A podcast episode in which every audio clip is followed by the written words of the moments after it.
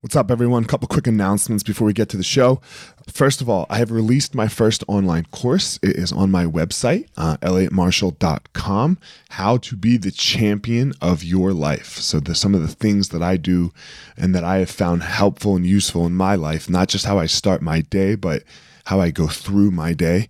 Um, so, yeah, elliottmarshall.com for all of you BJJ fanatics that are on this, listening to this podcast, uh, I have separated the YouTube channel. So there's a BJJ only YouTube channel, uh, Fire Marshal BJJ, it's called. So go check that out.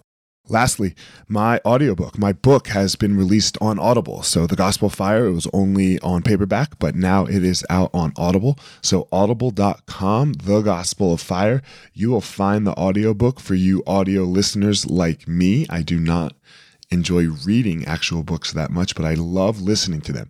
So, uh, audible.com, The Gospel of Fire. So, three things the book, the YouTube, and the course. Go check them out. I'm always here. Whatever you need, hit me up. Fire Marshal 205 on Instagram. Talk to everyone soon.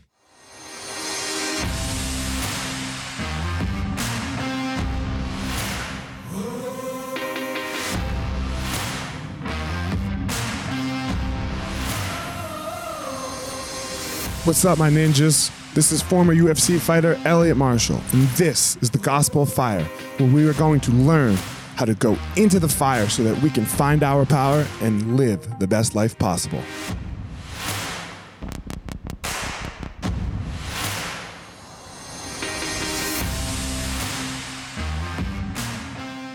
What's up, guys? This episode of the podcast is with Heather Linden. Heather is the head of performance and athlete health at the UFC PI, the UFC Performance Institute. It is a new thing as of, uh, I guess it's four years old now. But um, man, I have to say, there have been very few people that I have worked with or heard about in the back end of the UFC, not in the front end, not who you see on TV, that I get talked about like, like that I hear talked about like Heather. So to say that she's doing an amazing job and has been able to transcend her field and move it forward is probably an understatement. So um, without further ado, here we go, guys. Heather Linden. Heather, how are you? I'm doing great, actually. You know, with you and chatting it up. Um, yeah. But yeah, it's a I can't complain. We had such an amazing start to our relationship. Like it couldn't have gone better, right? Like the the Versace mansion. I mean, so not many people can say that they've been to the Versace mansion, have an exclusive dinner at the Versace man- mansion where we had some mm-hmm. of the mm-hmm. best sushi and fish and everything I've ever had in my life.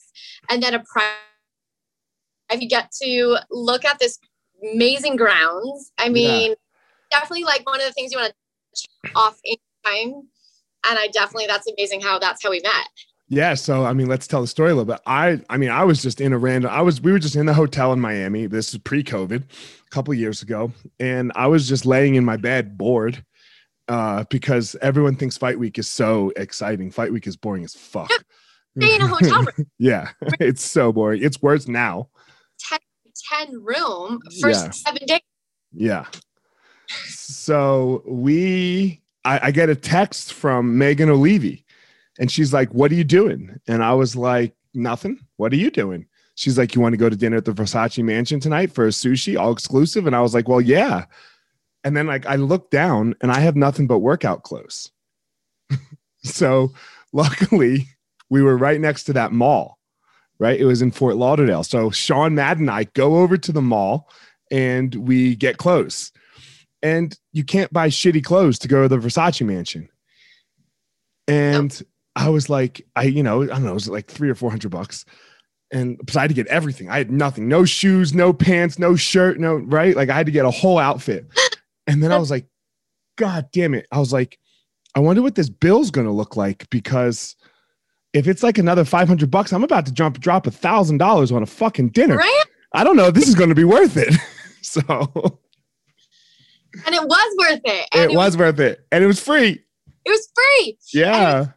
Megan's like, you know, they can only get us in at like 11 p.m. right or something really late, which is so perfect for me because usually on the road I get to do the dinners or go to we get like sometimes thrown ticket events, you know, like, hey, the Lakers are playing in town.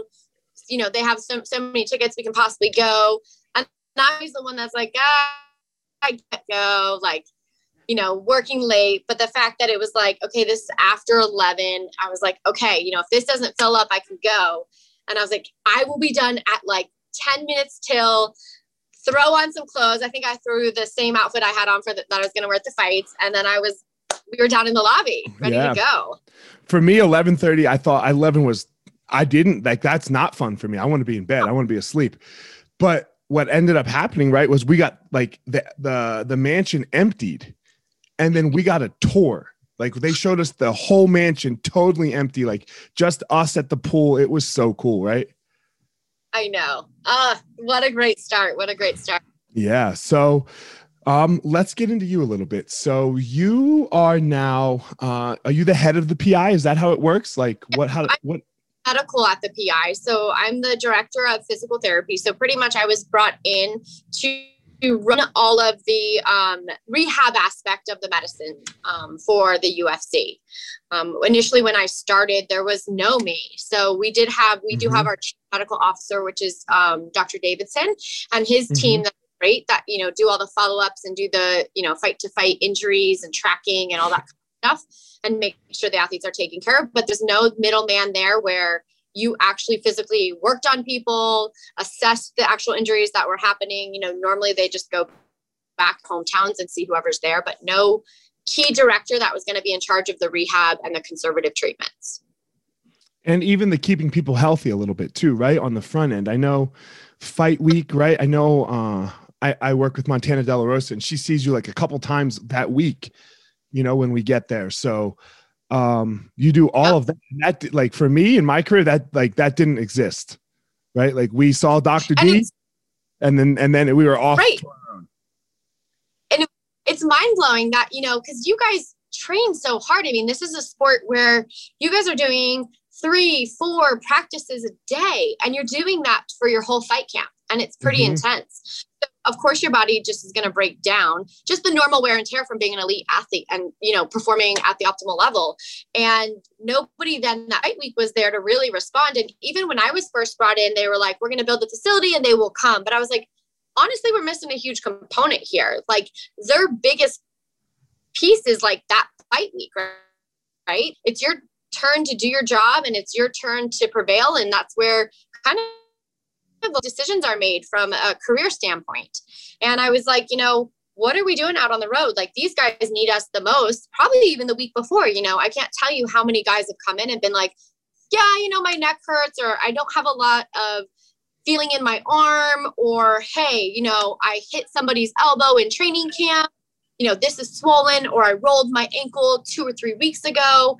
And, you know, normally you have training that interferes with getting them healthy because they have to go off to practice or this or that. And now it's like they don't have anything to do beside media. So you can actually get some really good quality time.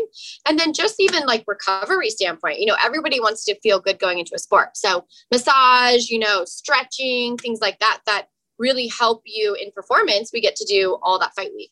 Yeah, for sure. How did this start for you? Like, so, um, like, because this is new for the sport, right? So, mm-hmm. where did this, uh, tell me about your life a little bit? Like, I know, I don't know a lot about your life. Like, uh, like, I know you're the, like, you know, Jon Anik's always talking about you and, and I know you, right? But like, how did this whole fight game, not even fight game, first physical therapy, is that where it started? yeah, that's really where it started. I knew I wanted to do something in sport. So actually, initially, I really contemplated being an orthopedic surgery surgeon because I thought like, hey, we can fix people. Athletes have injuries, you fix them and you get them back on the field. But when I started to look into that more, I realized it gets small amounts of time with the athlete, right? They do the surgery. You don't really ever see your surgeon, maybe a few more times, 15 minutes here or there. There's really no full connection, I think, that you make in that in that mm. time period. So when I started following my physical therapist at Virginia Tech, um, he was covering football, he was covering basketball, all the sports. I was like, this is really cool. Like, you actually change the game. Like, you actually not only prevent, but then you to do afterwards. So I was like, that is really where I want my career to be. So that's when I really started getting into physical therapy. So I went through the physical therapy school, and the schooling is way harder than you think. Like, here I was, I was like, oh, I have two classes a day. I'm going to go to the beach and study, and I'm going to do this. Oh no, we were in cadaver labs, we were dissecting, we were figuring out the entire human body, how it functions, then how biomechanically it functions.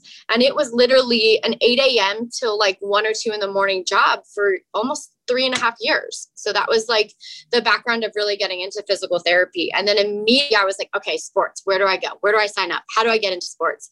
And it's not that easy. Like it was like door slam, door slam, door slam. And I was like, oh wow you have to know somebody and you have to have a lot of connections.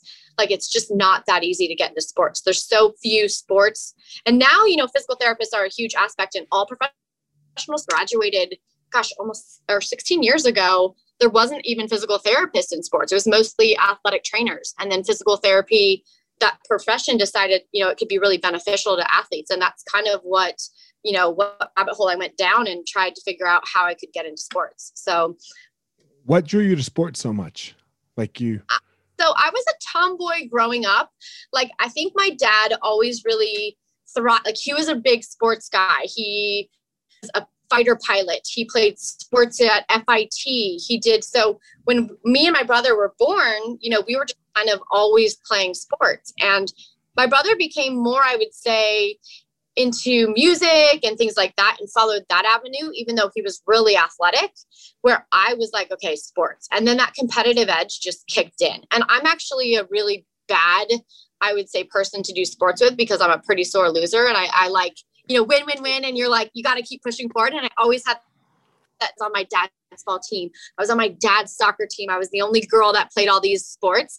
And I was like, if he can do it, I can do it. And, you know, I remember what the funniest story I remember is I was on my dad's baseball team and I had most the highest percentage on base average. But it was because I was so short, none of the guys could pitch to me. So I walked. Walked. Every time.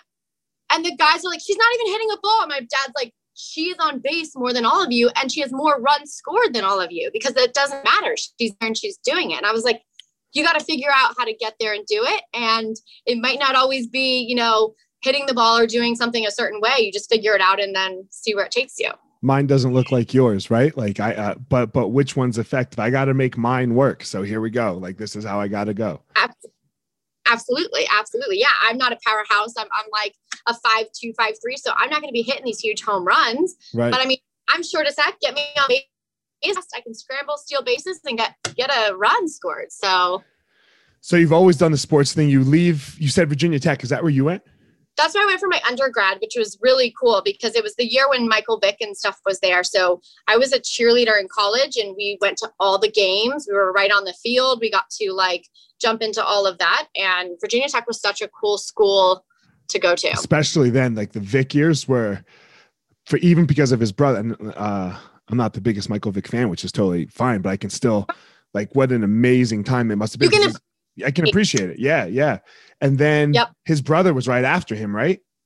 Yep. And like, I mean, they definitely, you know, maybe didn't make the best choices from a lot of standpoints, but I think it was just that era of how cool sports and how and I think that just fed me even more to want to do sports physical therapy because it yeah. was like, you know, and seeing how this physical therapist is a is an actual part of every team. And I think you know, for me, it's really cool because in the UFC, I get to be a part of multiple teams and to learn the dynamics between the coaches and the athletes of all various teams and the different things that, you know, they look at is a really cool, you know, job to step back and see how you can be an asset to each team because they're completely different.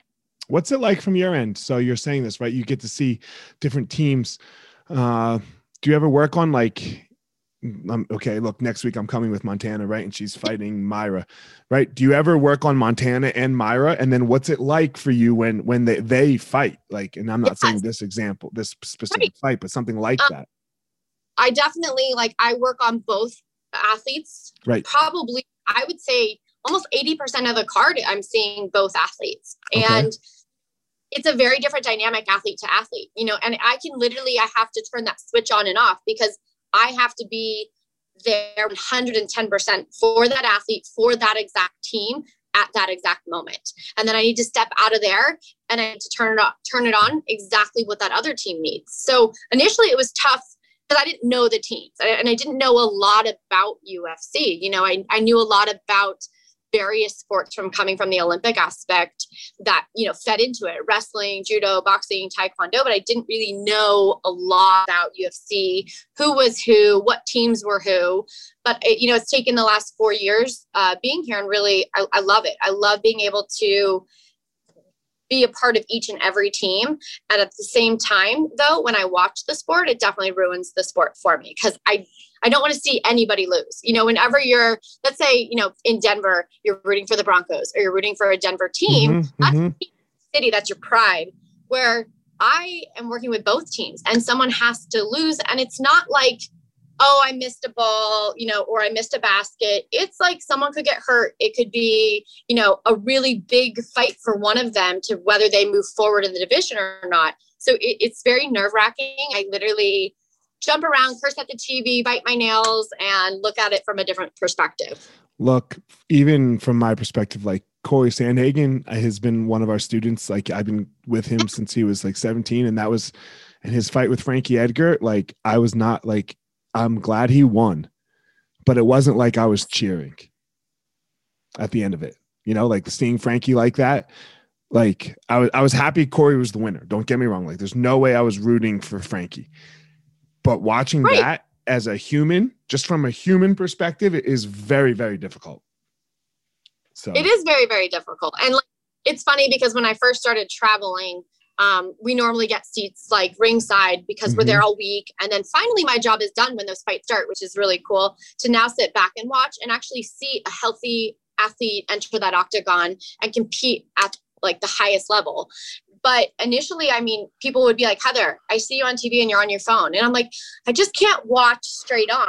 Because me watching straight on is is I see something, I'm like, oh, that's broken, or don't hit that again because that's gonna be more of a longer rehab. And I start my mind starts going from the analytical side. And I'm like, uh, so if I look at the screen, I don't know why. I feel like it's not quite as personal because I've, I, I have a personal connection with both athletes in there. But if I watch yeah. that I'm like, I can take that personal connection and just watch it as a sport. You know what right. I mean? Right. You mentioned, uh, or, uh, I don't know, five minutes ago, the difficulty of getting into sport. Was it, do you think it was more difficult because you were, I mean, when did you try to get in? Like 20, 15 years ago?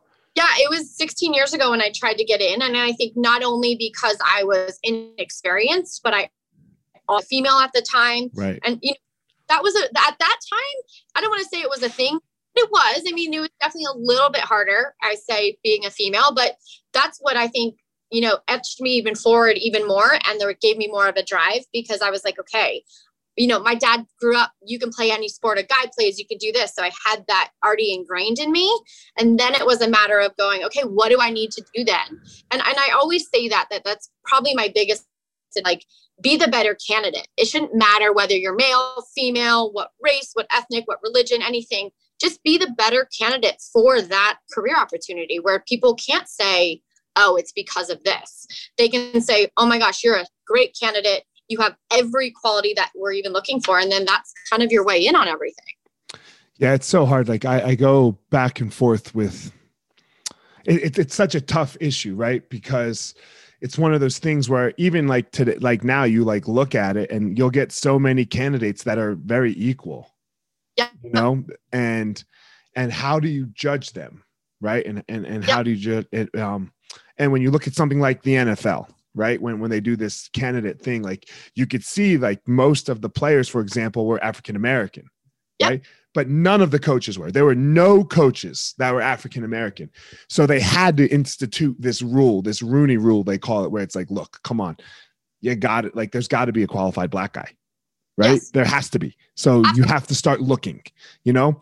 It's uh it's I don't know, it's equalizing out the opportunities and then judging everybody on their merit. But like you said, it's so hard because you don't know anybody.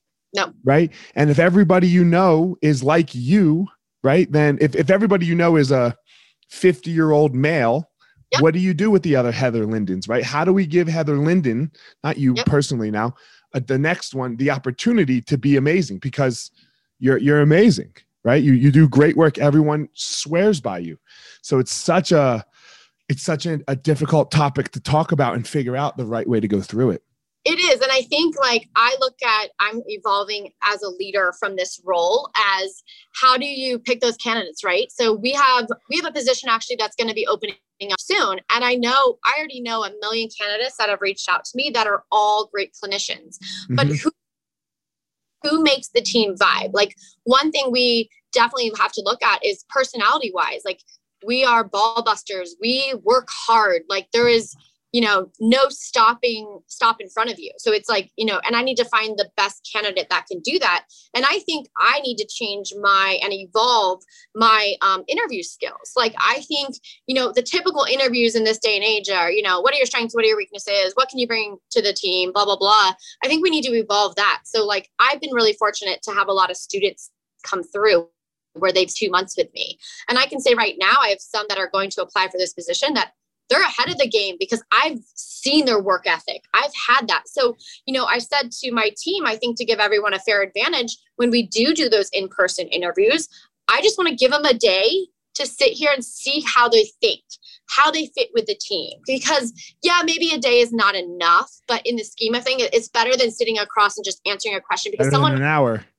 Absolutely answer that question great but then they get in front of an athlete and they're a jerk and the athlete's like no way i'm going to work with that person. So right. i think us evolving as we evolve into the right candidate and things like that. So i think you know i'm going to try to do more in-person stuff where i say hey here's your schedule. You're you're a licensed clinician. Here's three athletes. Let's see how you do with them. Or here's two athletes and just jump on in and like obviously i'm there supervising so if there's something i don't like i can be like ah stop but otherwise, it's like, how do you interact with those athletes? Do the athletes respect you? Because I know when I've had a really good student come, athletes are like, dude, he's bomb and he's going to be really good. Like, I like the way he thinks. I like the way he treated me. Those are the candidates we're really looking for. And I know sometimes athletes like male, female, we, we can be alpha as fuck. Yes. Right. And you, uh, you can't let me walk all over you. Right. No like you can't if if I need to do these things, you need and I'm trying to and like look, I might be trying to get out of them. Right. And I need you to be like, no. Yep. Like you need you need to have a, a, a demand level of respect to yep. work with high level athletes. So right? that's and you say that because I would say I'm a very like alpha person where as mm-hmm. a so I will talk the banter in the locker room, talk with the guys, which I think has optimally given me the respect and the trust but at the same time, you know, I also have a male colleague. And if I brought an alpha male colleague, I can see that it doesn't always work. Where I would say my colleague is more of that beta, like, let me feel it out kind of and mm-hmm. figure out the situation before he talks or says something. And he's been the perfect candidate. He's been such a strong part of our team and super inter- instrumental because he figured that out, you know, because you have to figure out what is that connection amongst all of you guys and who's the perfect fit. Yeah, like the, the team dynamic. We, it, it's I think it's the most important dynamic. We actually just did um with my schools with Easton. We yep. did um uh, uh, uh assessment of us, and the assessment is there was four levels. There was saboteur, like four styles of team. It's called yep. saboteur, saboteur, which means you just have a, yep. a blatant person sabotaging. Um, benign, sab- benign saboteur, which is somebody sabotaging, but it's not really intentional and they don't really know about it. Situational loyalist, where most of the time you guys are very loyal to each other, but then there's this thing, and then they have yeah, and then they have loyalist, a loyalist team. Um, and in there, in the assessment, they said that only 15% of the score of the team comes yep. came down to the strength of the leader. The rest of it came down to the relationships between the people on the team. Yep. Like how the pieces fit, you know? Yep. And, and that was important. Yeah. And I think I think that's what we've done well from a performance institute is I don't know. I mean, UFC did the research when they hunted us out. All of us were individually searched out, you know, reached out to to say, hey, can we talk to you? And I don't know the company that did it, but I mean, pat on their back because truly every day I love my team. I love they push me a little bit to make me better, but they also listen to me. They're also empathetic when I need to be empathetic. They're also like, you know, strong and when they need to be as well. And they just, you know, I definitely think those like personality quizzes, things like that, you know, you got to figure out which candidate is going to fit. I mean, I'm sure even with a team dynamic for you as a coach, you constantly have to see, you know, how that team evolves and if there's anybody that makes the team go a certain way, you know, or change training or anything like that. Yeah, you you know, like the way we do it, it uh here it, with with so I have not Easton but elevation. You know, yep. it's it's two separate things. Um, you know, um, there's no head coaches. Uh, there's no like like you know like there there's a head coach of each athlete. Yep. Right. Like it's just okay. This this, this connection works, works, and that connection works. Right. So and then then they build we build the teams that way. So because it's super important. You can't you can't try to fit someone in a in a position right or no. a team. It's something so intense as fighting, right? Yep. Where you have to like if you are walking to that cage and you don't have full trust in the people around you this could very easily go very poorly you know absolutely absolutely um you said you started let, let's back up again you know with the you you left right like you got you graduate and you you finish your degree and then you didn't go into fighting right away yep. because 17 years ago 16 years ago this wasn't here where did you go right away no so I went to, I knew I wanted to live in Southern California. I had lived there as a small kid and loved the area. So um, I went, moved to California and I kind of did an interview process where I looked at multiple physical therapy places that were hiring. Cut out for a sec. Where'd you move? Um, to Southern California, Los Angeles. Okay. Got it. I, looked at multiple places, but what really drew me to this one place, which is actually kind of cool now looking back, was there was the head physical therapist at a clinic that actually integrated with boxers. So boxers would fly him out and travel.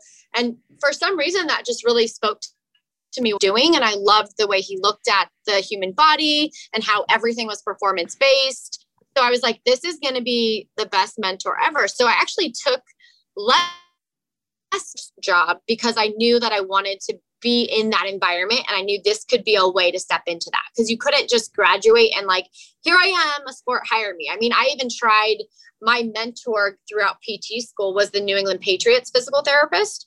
And i tried to even shadow him. I was like six months you don't have to pay me like just let me learn. And the new england patriots were like um, first off like the physical therapy clinic is in the male locker room like this is a lawsuit waiting to happen especially if she's not on payroll and this.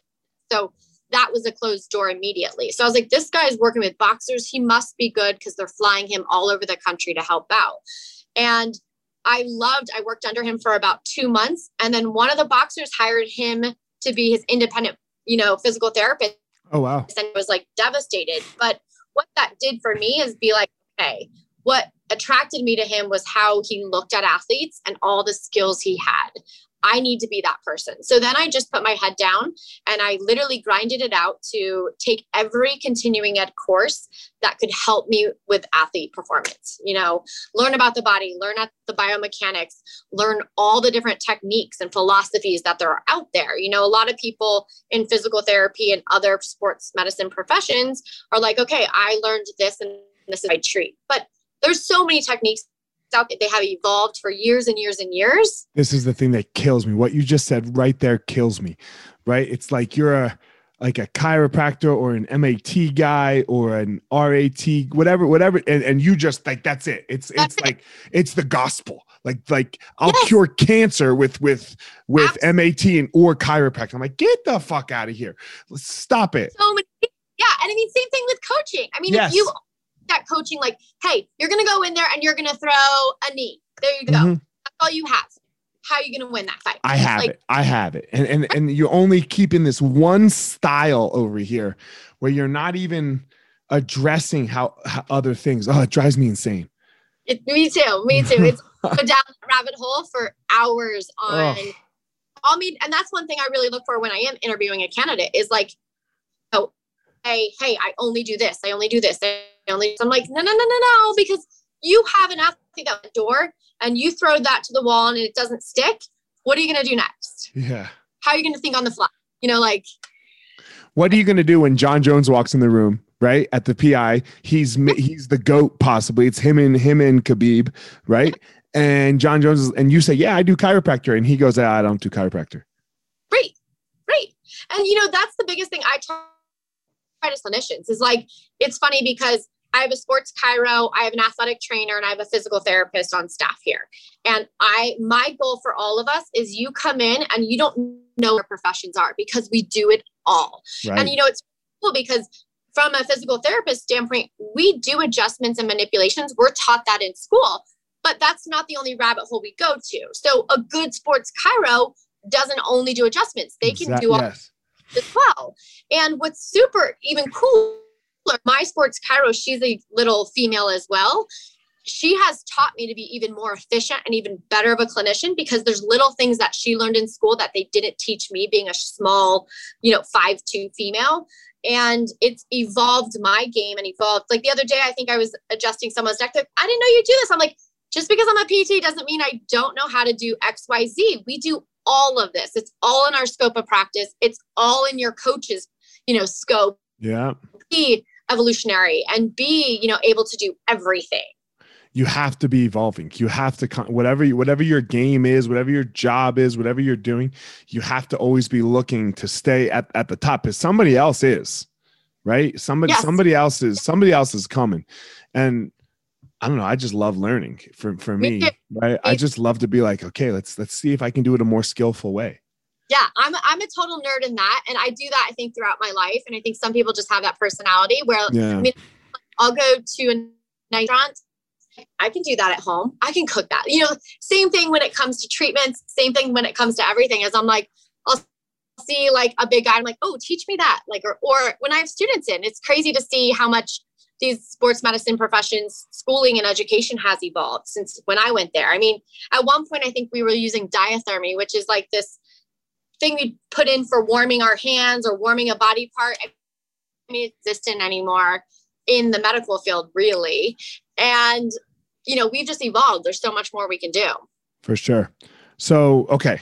You, your boxing guy goes away, right? You had two months. So what's next? You're in Southern California. Where, and I, I cut, I kind of cut you off and went on that tangent, but where, what happened after that two or three months?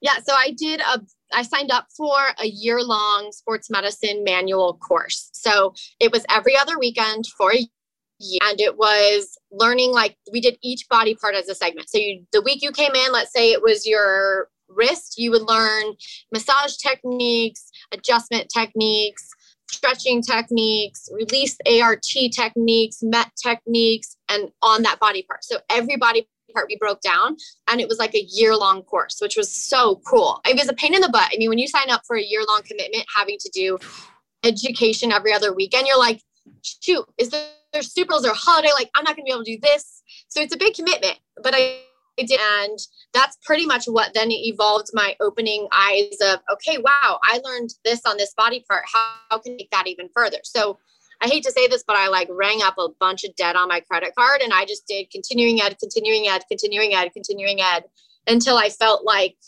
okay, I'm an asset. You know, like I think I could roll in there anywhere I go and figure out how to treat somebody. I also think working in the out where most people don't want to like if you're into sports, you're like, I don't want to go see geriatrics, pediatrics. I just want my athlete. But that taught me a ton. Like I learned, you know, how to do these weird diseases that came in and out that, you know, I've also seen with athletes. I mean, I was part of a team where one of our athletes at the Olympics came in with neck pain and they ended up having cancer we saw on an x-ray and i was like if we hadn't been able to evolve and look at different diagnostics capabilities and diseases i don't think i'd be the clinician i am today.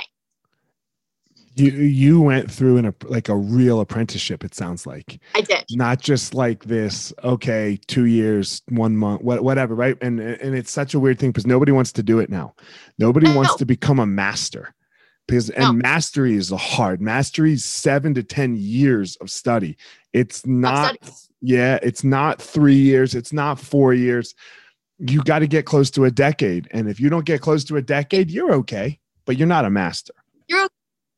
no and you, and that's a really good point you make because like i see a lot of new clinicians come in and they'll be like oh well this is the this is how we were taught to treat and i'm like whoa, whoa, whoa, I can tell you this. That's what the book says, or that's what maybe you had one good case. But if you take this, this, and this and patch it together, I've had 16 years of seeing what little things patched together work mm-hmm. experience, right?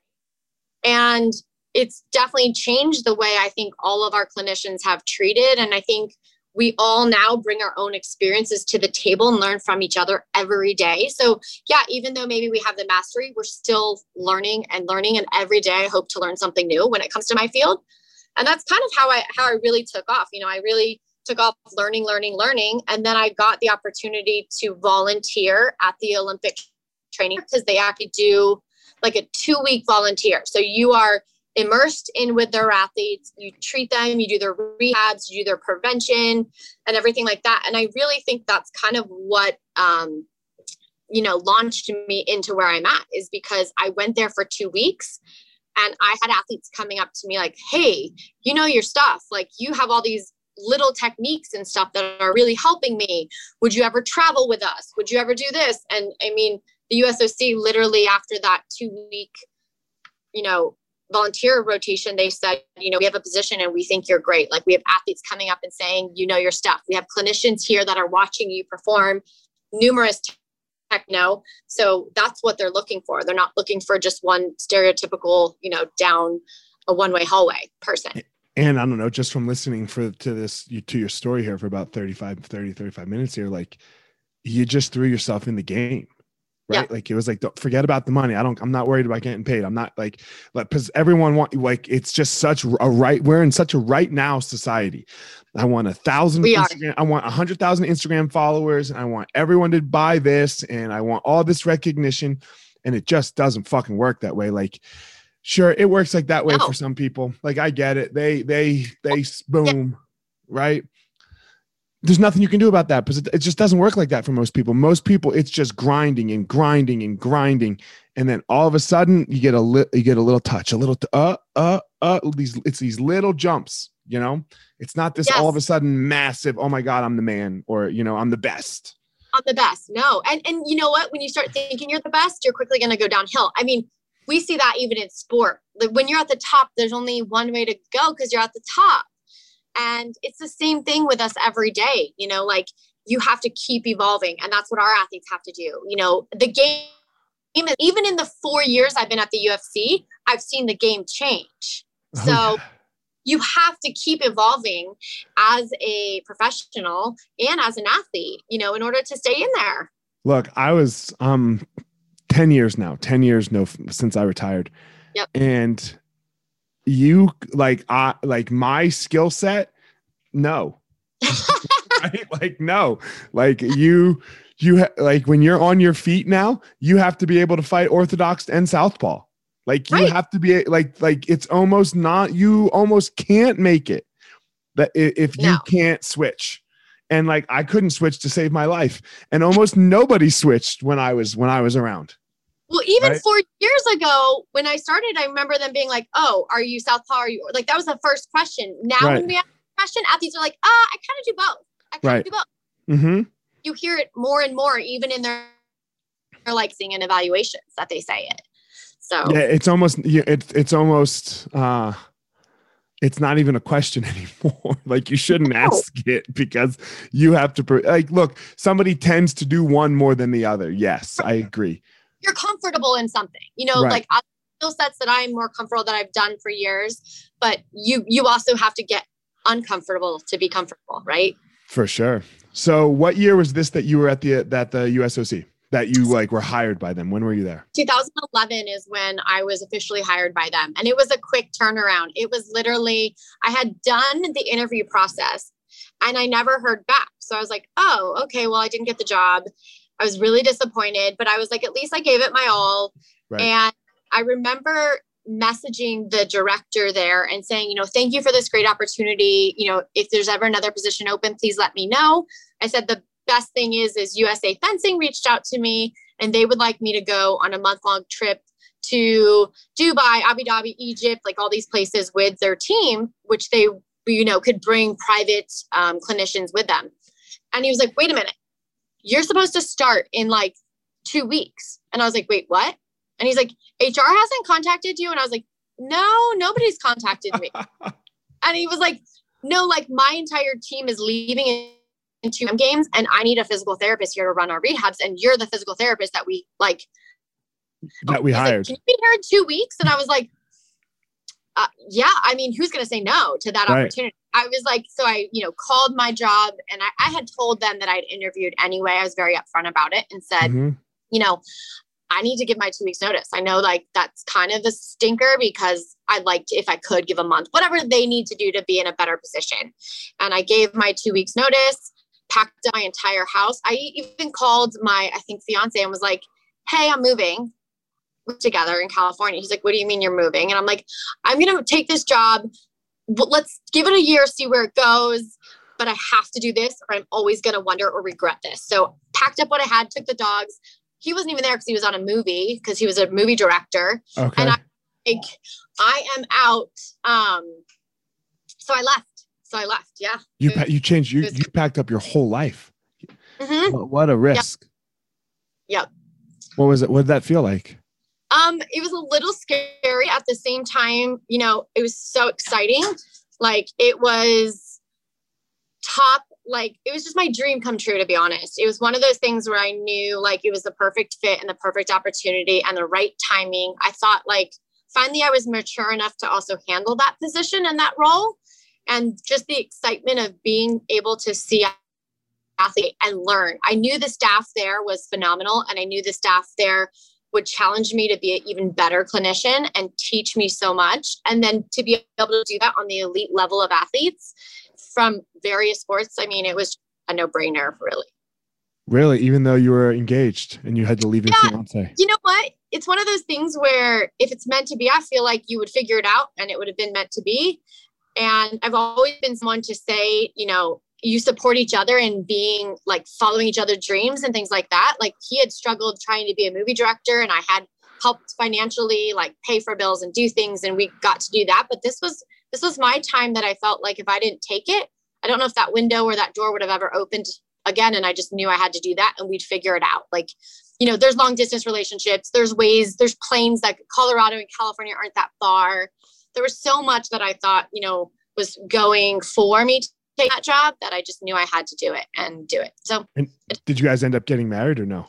No. so it didn't work. Yeah. Yeah. You know, it didn't work. And it was one of those things where it was more of, I, supported him and then it was time to support me where he was like, uh, I'm not really like, I miss you and I want you back home. Like, I want you, and not looking at it from, wow, this is the best and coolest opportunity for you. And let's yeah. figure it out. And I think that's what made us end up breaking up was no, nothing else besides, I want someone that's going to be my right hand man. I'm to be, I want someone that's going to, you know, opportunities with me and be like, we're going to figure this out together. And that's the relationship I was looking for at that time. And that just wasn't quite there. Especially no kids, right? Like, no kids, nothing. No kids. yeah, it's different. Once nope. look, once you have kids and you settle in a place, like mom and dad can't really like do a long distance thing. That gets really fucking hard. Absolutely, yeah. And yeah. It, I mean, I was I was young. I mean, yeah. I was like thirty years old, and it was like I love how young now. right? But I've been telling this story. I, have been telling this story all week, or or since it happened the other day, Heather. Um, I was telling this story about how my I was it, it was before one of the of the girls practice, right? And all the girls were there. Yeah. I was telling the story about how one of my friends left his wife, you know, my age, our age, right? How old are you? 41. Yeah, I'm 40. Okay. I'm a, I'll be 41 this year. He left his wife for a 20 year old, right? And okay. it's like, dude, what are you doing? Right? Like you know like the, like you can just see where this is going to go. This 20 year old she's going to realize that you're not the baller that you think you are and she's going to leave you you know? Like yeah. that, that's what happens. And that's exactly what happened. And i was like man who would I, I was like and i said to him i was like i just couldn't date a 20 year old and they were all like yeah 20 year olds and i was like girls you're fucking 24 you're 20 you're like 20? that's the same yeah. while there's a two in front just of your name you're 20 I just finished treating an athlete just like 20, a half an hour ago. Okay. And he was like, I don't even care. Remember when you used to want to go to the bar and meet? He's like, now I go out and I hear like 20 year olds talk, and I'm like, no, no, no. You need like 10 breakups, like bad job, bad. Uh huh. And then come talk to me because you haven't really experienced life. And- late 30s. No, Late Yeah, 30s. totally. You know? but, but they're all like, we're not 20. I'm like, no, you're 20. Like You're 20. 24 is 20. Like it's 20. I mean, Yeah. You're not even 30. You're still closer to 20. 20. Yeah. So Yeah. um I so you're at the USOC and Yep. how long did you stay there? Did, did, did you stay there until the UFC or did you Yeah, move on I was there too? for six and a half years. Oh and I wow.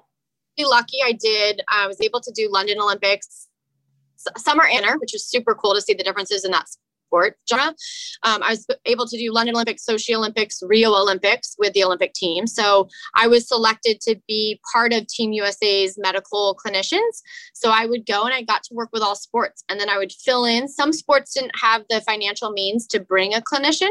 So Mhm. I would fill in to be their personal one where to cover the practice and, and the sport. And then all other athletes got to see me too within the village for those. Oh my god, that's so cool. Oh my God, it was so cool. So I do you have like an Olympic uniform and all that stuff too? oh, say that again because you cut out for a second. Yeah. Do you have like an Olympic uniform and all that too, or no? I do. Actually, I, I just moved this week. So I've had to go Right. through everything. And I kept like all my podium jackets from the Olymp- from each Olympics.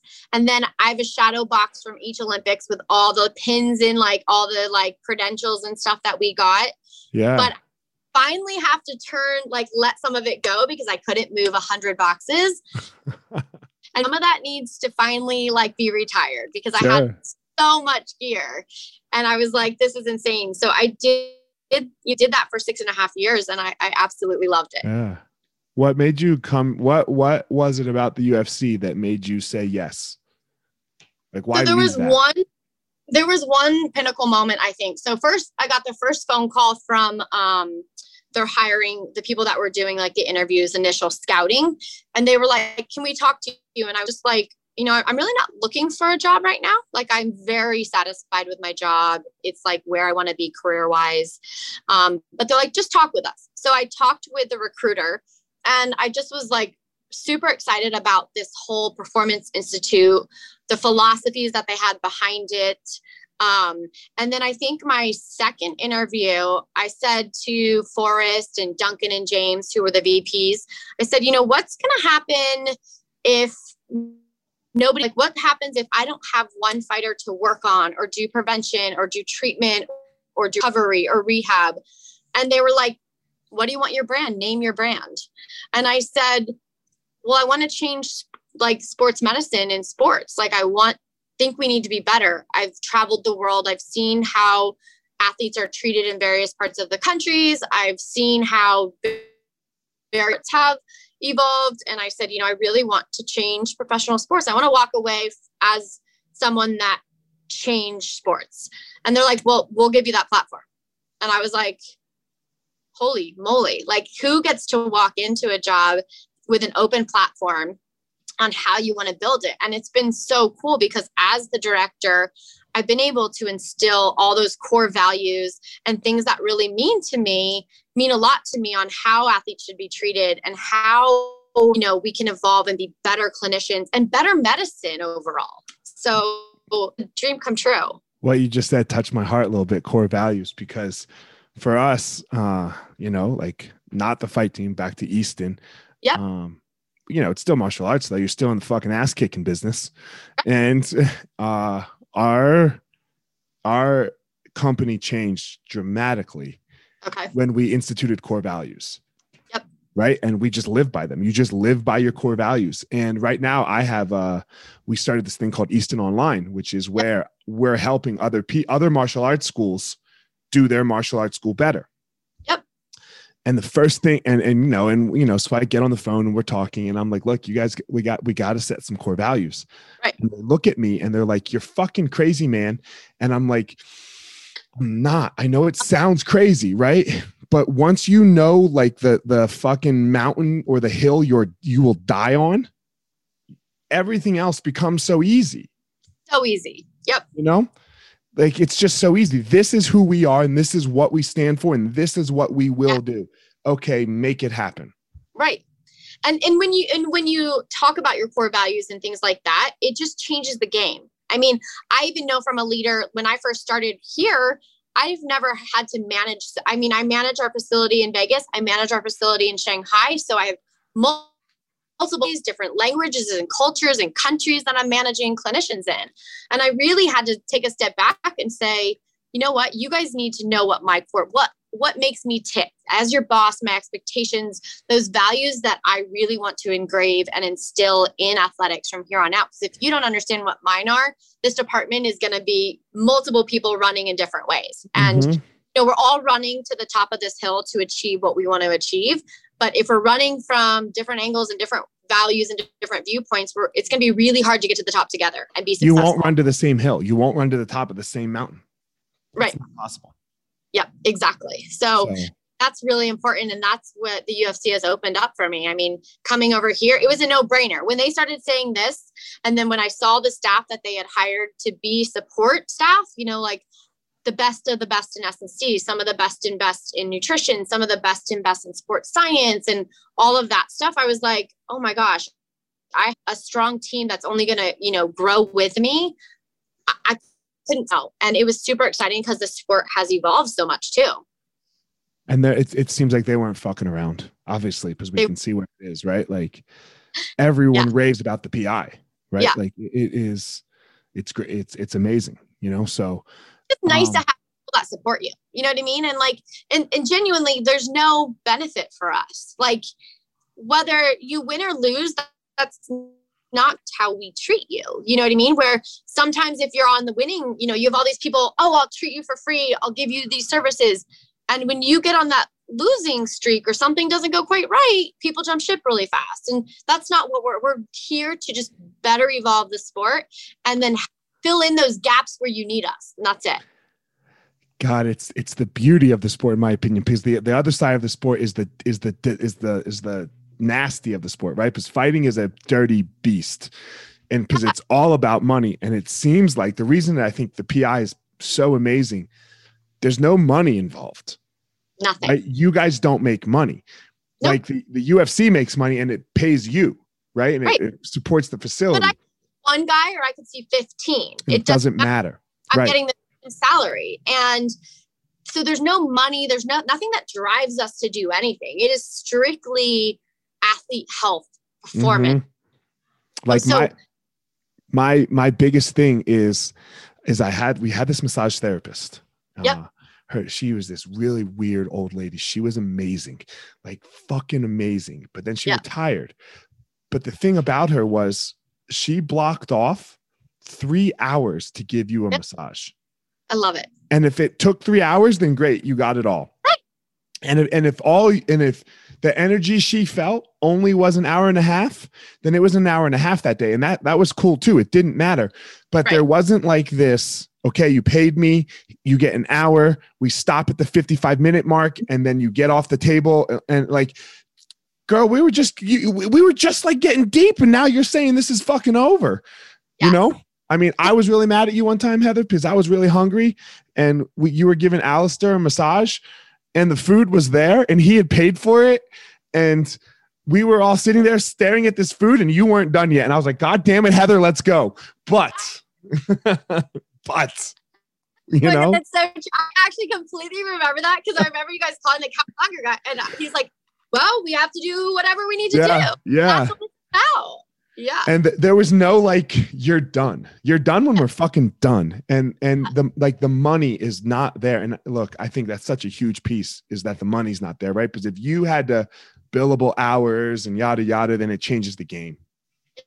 It changes the way you treat and the way you mm-hmm. help the athlete. And I think mm-hmm. that's that's a really big disservice you see across the board in many types of things that we give athletes. You know, many services we give athletes, whether it's health, wellness, nutrition, whatever it is, you know, it's always money driven. It's always this. And, you know, I have an athlete. We, it's actually a pretty cool story. We had an athlete recently that was actually um, a WNBA player that came in and they paid us to do this athlete's rehab because they all had to go to the bubble and they take her because she's doesn't fit them. She's not playing. So she's not, mm-hmm. you know, so they they're locally in Las Vegas. They contacted, you know, Dana and them and said, Hey, we'll pay can what's a normal rehab cost? This. But we didn't even like, we just still treated her like one of our fighters. So we did, you know, every day rehab five days a week. Then the NBA published this study last year that says, you know, the number one detrimental injury for athletes is an Achilles tear, which we we see that too in and they said, you know, the minimal time it takes to get them back back to sport fully and usually never fully. Usually there's always something that's not quite right when they return is about a year. So we took this athlete and we did it in 5 months. We returned her back in 5 months because we didn't have to care about money, time. Like it was just a set amount. It didn't matter if we spent an hour, two hours, which we ended up initially in our rehab doing twice a day, two hours every day. Then we did strength and conditioning on the other body parts. And she walked in today because she was going to make the US Olympic team mm-hmm. on three, like on three uh, player team. And she's like, I was so nervous because during my tryout, we'd do four hard days. She's like, you guys prepared, like it was easy. And she's like, and I'm better than I was. And so that's doable when you take out all the funky stuff that, you know, decides what you Just do. Money. Just money. Yeah. I wish we could figure that out for for people, right? For the whole for the for the who like you know just for like you know my neighbor and that neighbor and this neighbor right like it because if we could just figure that out somehow uh so much would be better because we're just in it for each other now like yes. we're not in it for this you know, okay, 15 minutes, you got a 15 minute block, 15 minute block, 15 minute block, right? Like, and then it's just so much more holistic. Uh, and I thought, you know, I, I once, when I was doing my private practice in outpatient, I was like, I would love to go to the insurance companies and say, give me flat rate 1500 for this guy. Whether I fix him in a hundred sessions or five sessions, like it, it's just a flat fee. And it's my job to be a better clinician and get him fixed in those five sessions. And if I'm right. not doing due diligence my job and being a master in my job and it takes me a hundred, then that's my own my loss. But right. I every stick throw everything at the wall to see if it sticks and get him done in five. And then I just made bank on that. You know, do you I want that? But everyone has skin in the game. That that's yes. how I think it should roll. Everyone has skin in the game. Like yes. uh uh the the dirtiest part for me with my athletes is that they pay me. I fucking hate it. I, I can't stand it. Like I I uh like half the time I rip the check up. I know. know. But my therapist, like I see a therapist, yep. you know, like love her. She's the best. She goes, Elliot, you have to take it. Like, right. Like you, you have to. You're doing like, a service. Right, and you right. have to also show your wealth and value. So, you know, we, we play that game in this world is the value of it, eh, as well as but you know what? If you know you're giving everything to your athlete and they're getting all of Elliot and 110% is focused when you are with them on their time and what you're doing to benefit them, then it is a service. And you know, but, but I get I, it. It has to happen. I just don't like it because yeah. it's kind of like you're paying me. Like I don't want them to ever feel like they're paying me to be involved in loving them and in their life because like because I understand that that's the initial relationship. That's like, yes, but like it's so much more than that. Um, and I think from all the stories I hear about you, it like it's that's what it's like for you. Like everyone is just like, man, she just the only other person that's I have that I hear stories like this about is was Burt. Right? Because yeah. Burt, when you showed up fight week, Yep. I swear to God, Burt wanted me to knock that motherfucker out in two week in two seconds. I knew he did. I knew he wanted me to win. And yep but he did but he did that for everyone yep yep right he did that for everyone and he yep. he was just like you he never watched the fights no not one no. time did he watch a fight he said after the main event walked he just went back in his room turned the tv off and, and sat there and then yeah. when the main event was over he he handled after that but yeah. but he never watched a single fucking fight yeah. And I hear people talk about you like they like we all talked about oh. Burt, because well, I, Burt, Burt was the man. I mean, that's that's genuinely like how I feel is it's it's about you know athlete health and wellness and mm-hmm. whatever I need to do to make their lives easier. And you know, people will funny, I'll hear staff members be like, Man, this athlete's really grouchy this week, or this athlete's and I'm like, Really? They're great. And they're like, Heather, you're giving you, you never ask anything from the athlete. Like they walk in and you're like, How do I help you?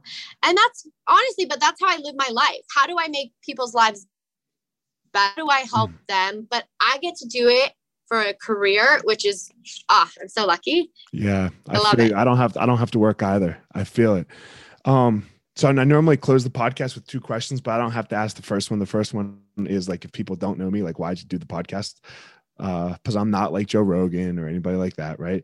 Uh, so, but my second question is I believe that everyone in the world has a unique power.